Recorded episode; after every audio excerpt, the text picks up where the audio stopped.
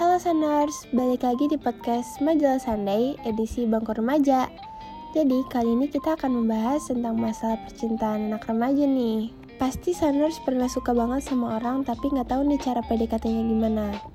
Nah, kali ini kita bakalan ngebahas uh, atau ngasih tips cara deketin uh, orang yang Sanders suka gitu. Di sini Sanders mungkin banyak banget yang masih jomblo atau Sanders lagi suka sama orang atau lagi PDKT-an. Nah, buat Sanders yang mungkin kalian lagi suka sama orang tapi nggak tahu cara PDKT-nya gimana, di sini kita bakal ngasih tahu tips-tipsnya sekaligus kalian bisa berinteraksi sama kita lewat DM, IG, at majalah Sunday.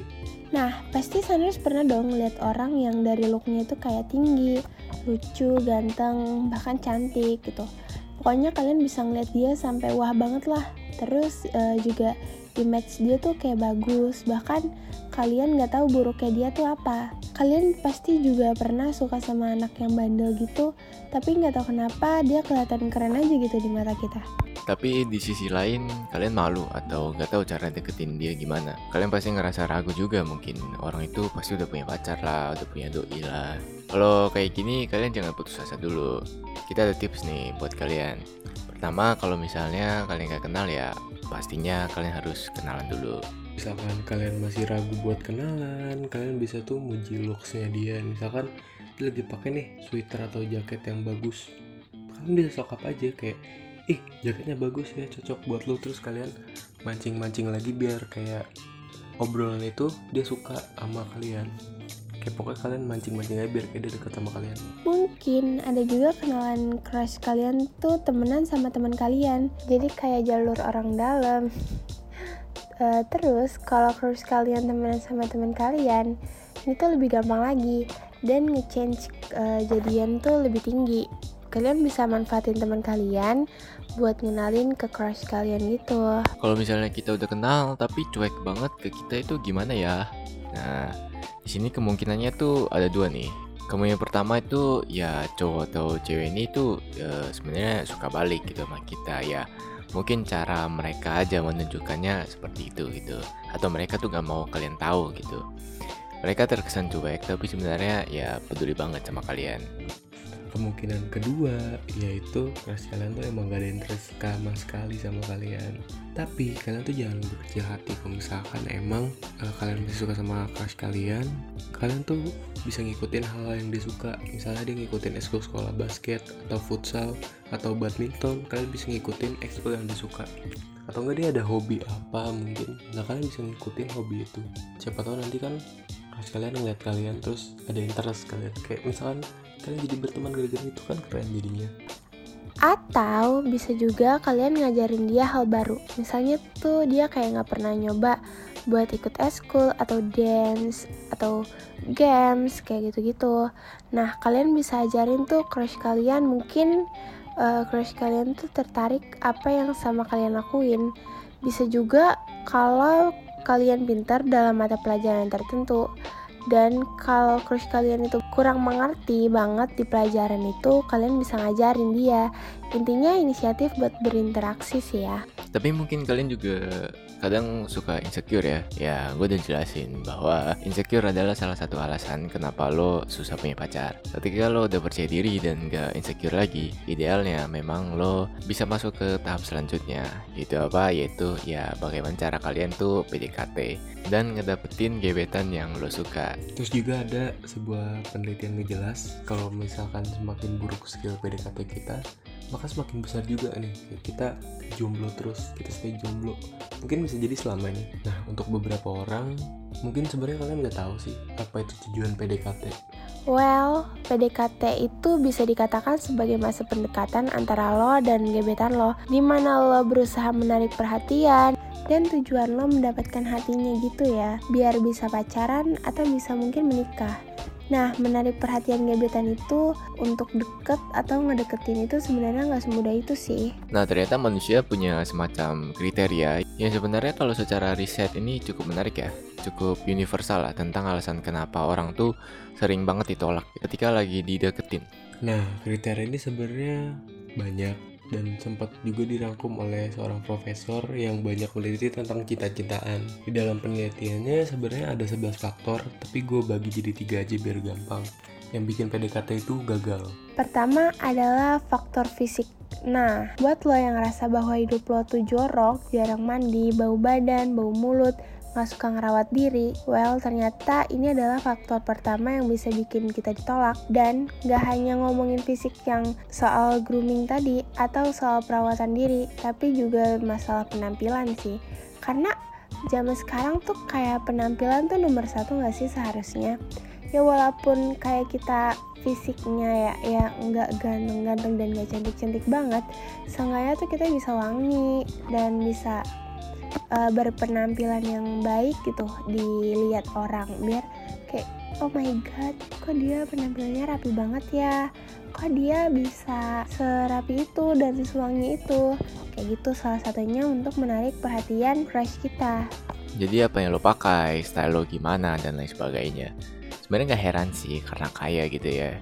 Penampilan mungkin bukan hal yang utama dalam hubungan. Tapi ya inilah hal yang pertama kita lihat gitu. Ya mungkin kadang kita langsung menilai orangnya itu gimana dari style ya mungkin dan mungkin juga sebaliknya. Jadi penampilan ini bukan cuma tentang ganteng atau cantik tapi juga cara berpakaian style lo harus bagus atau enggak wangi gitu ya.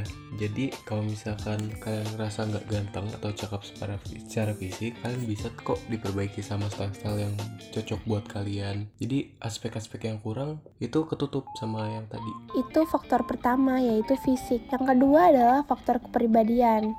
Lo tuh bakal cenderung gagal PDKT kalau lo misalnya sering ngomong jorok, uh, lo sering ngomong kasar, terus lo juga pelit, narsis, terus suka mikirin diri sendiri gitu. Dan ini juga penting sih ketika lo nggak bisa dan lo nggak suka untuk ngobrol. Jadi kalau misalkan menurut gue di soal kepribadian ini ya lo tuh harus bisa uh, ngesetarain diri lo sama crush lo gitu. Yang pertama kalau misalkan lo awalnya yang ngajak dia buat ngedate itu tuh lo harus berani untuk ngeluarin uang lo. Jangan pelit kayak kalau lo mau split bill lo boleh split bill tapi sebelumnya lo ngomong dulu gitu ke dia atau kenapa alasan lo mau nge-split bill. Sebenarnya tuh cewek bahkan cowok ya. Gue kan cewek pribadi gue.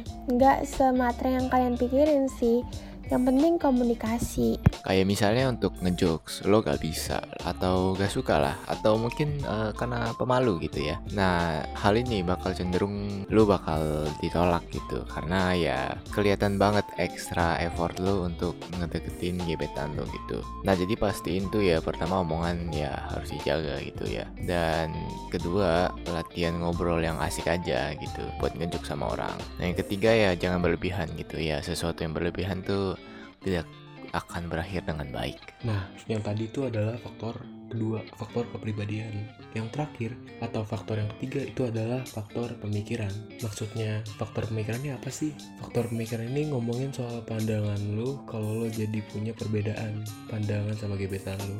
Apalagi kalau misalkan ada yang fundamental nih. Kalau misalkan uh, nanti bakal jadi salah atau salah satu hal yang bikin ngegagalin PDKT kalian. Atau bahkan ngegagalin hubungan lo. Misalnya gini ya lo tuh salah satu penganut uh, private relationship gitu. Uh, dan lo tuh lebih nyaman di mana lo nggak mau ngumbar-ngumbar hubungan atau keuuan lo sama pasangan lo. Tapi lo tuh uh, mau PDKT orang yang notabene tuh adalah penganut kalau udah pacaran semua orang harus tahu kalau dia punya pacar yang sebenarnya. Ya lu sendiri yang lu sendiri itu gak suka kalau hubungannya tuh diumbar-umbar. Karena lo lebih seneng kalau hubungan lu sama pacar lu itu cuma segelintir orang-orang yang tahu. Dan ini sebenarnya ngaruh dari banyak faktor kayak misalnya faktor IQ, wawasan gitu, wawasan yang luas tuh ngaruh banget. Jadi jangan sampai kita kelihatan gak smart gitu, kelihatan ngebosenin gitu. Ya susah gitu kan kalau misalnya lo terlalu lemot gitu ya. Susah pacaran sama orang yang ya berpikir cepet dan dari ketiga faktor ini memang ini penting banget ya semuanya dan ya silahkan evaluasi diri kalian sendiri. Kira-kira faktor apa aja yang membuat kalian atau memungkinkan buat kalian untuk ditolak gitu. Nah, tapi gue juga mau ngasih disclaimer meskipun tiga faktor tadi itu scientific, dijelasin sama profesor dan lain sebagainya, setiap orang pasti ada definisi kriterianya masing-masing yang mungkin juga di luar si faktor universal ini. Jadi mungkin ada anak yang gak sesuai atau mungkin ada yang standarnya tinggi banget itu juga mungkin bisa. Jadi setiap orang pasti punya definisi dan kriteria masing-masing. Makanya sebenarnya PDKT itu kalau menurut gue secara riset juga sebenarnya cuman bukan cuman tentang gimana skill lo doang bisa aja mungkin lo ngerasa jago dalam semua hal tadi. Mungkin lo udah ngerasa kaya oh gue batas bawahnya udah oke okay nih gitu ya. Tapi bisa jadi karena lo gak cocok sama kriteria gebetan lo ya sama aja gitu. Lo harus tahu juga orang yang lagi lo deketin itu siapa. Lo cari tahu apa yang dia suka apa yang dia nggak suka terus uh, lo melakukan hal yang gebetan lo suka gitu. Gimana caranya pendekatan ke gebetan lo itu sesuai sama apa yang gebetan lo suka gitu? Terus beda juga dalam hal kepribadian beda juga dalam hal pikiran ada juga yang berbeda banyak lagi dalam hal manner. Ada yang mungkin ngerasa kalau minum harus pakai tangan kanan ada juga yang mungkin oh ya udah sih nggak apa-apa pakai tangan kanan atau kiri.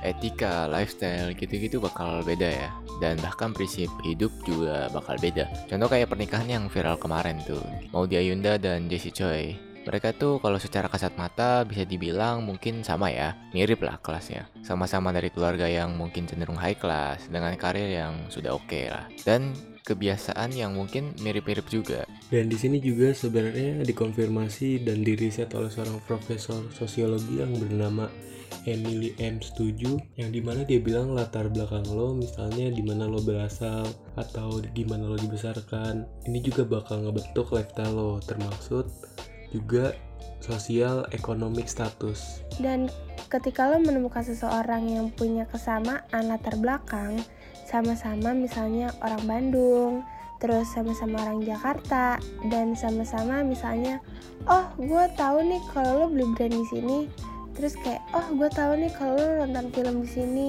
Ya lo mungkin cenderung akan bisa relate lah dan pada akhirnya akan cenderung bisa ngebangun hubungan yang lebih intimate dibandingkan ketika lo berhubungan dengan orang yang punya latar belakang berbeda. Nah, maka dari itu kalau misalkan beda kelas, beda agama, beda daerah itu cukup juga sulit sebenarnya untuk nikah. Dan gue pribadi, itu ini gue pribadi yang ngomong ya. Gue pribadi emang cenderung gak nyaranin meskipun sebenarnya bisa kok, tapi bukan berarti nggak bisa. Tapi emang lebih sulit dibandingkan yang emang punya banyak kemiripan aja. Jadi ibaratnya kalian ada tembok gitu. Belum lagi ada omongan tetangga dan uh, lain sebagainya gitu kan. Indonesia tuh gitu. Nah jadi apa sih hikmah dari pembahasan gue dari tadi? Kuncinya sih sebenarnya gini. Pada akhirnya kita semua kan pasti pengen punya pasangan yang oke. okay dari latar belakang mana pun pastilah kita semua pengen punya pasangan yang oke.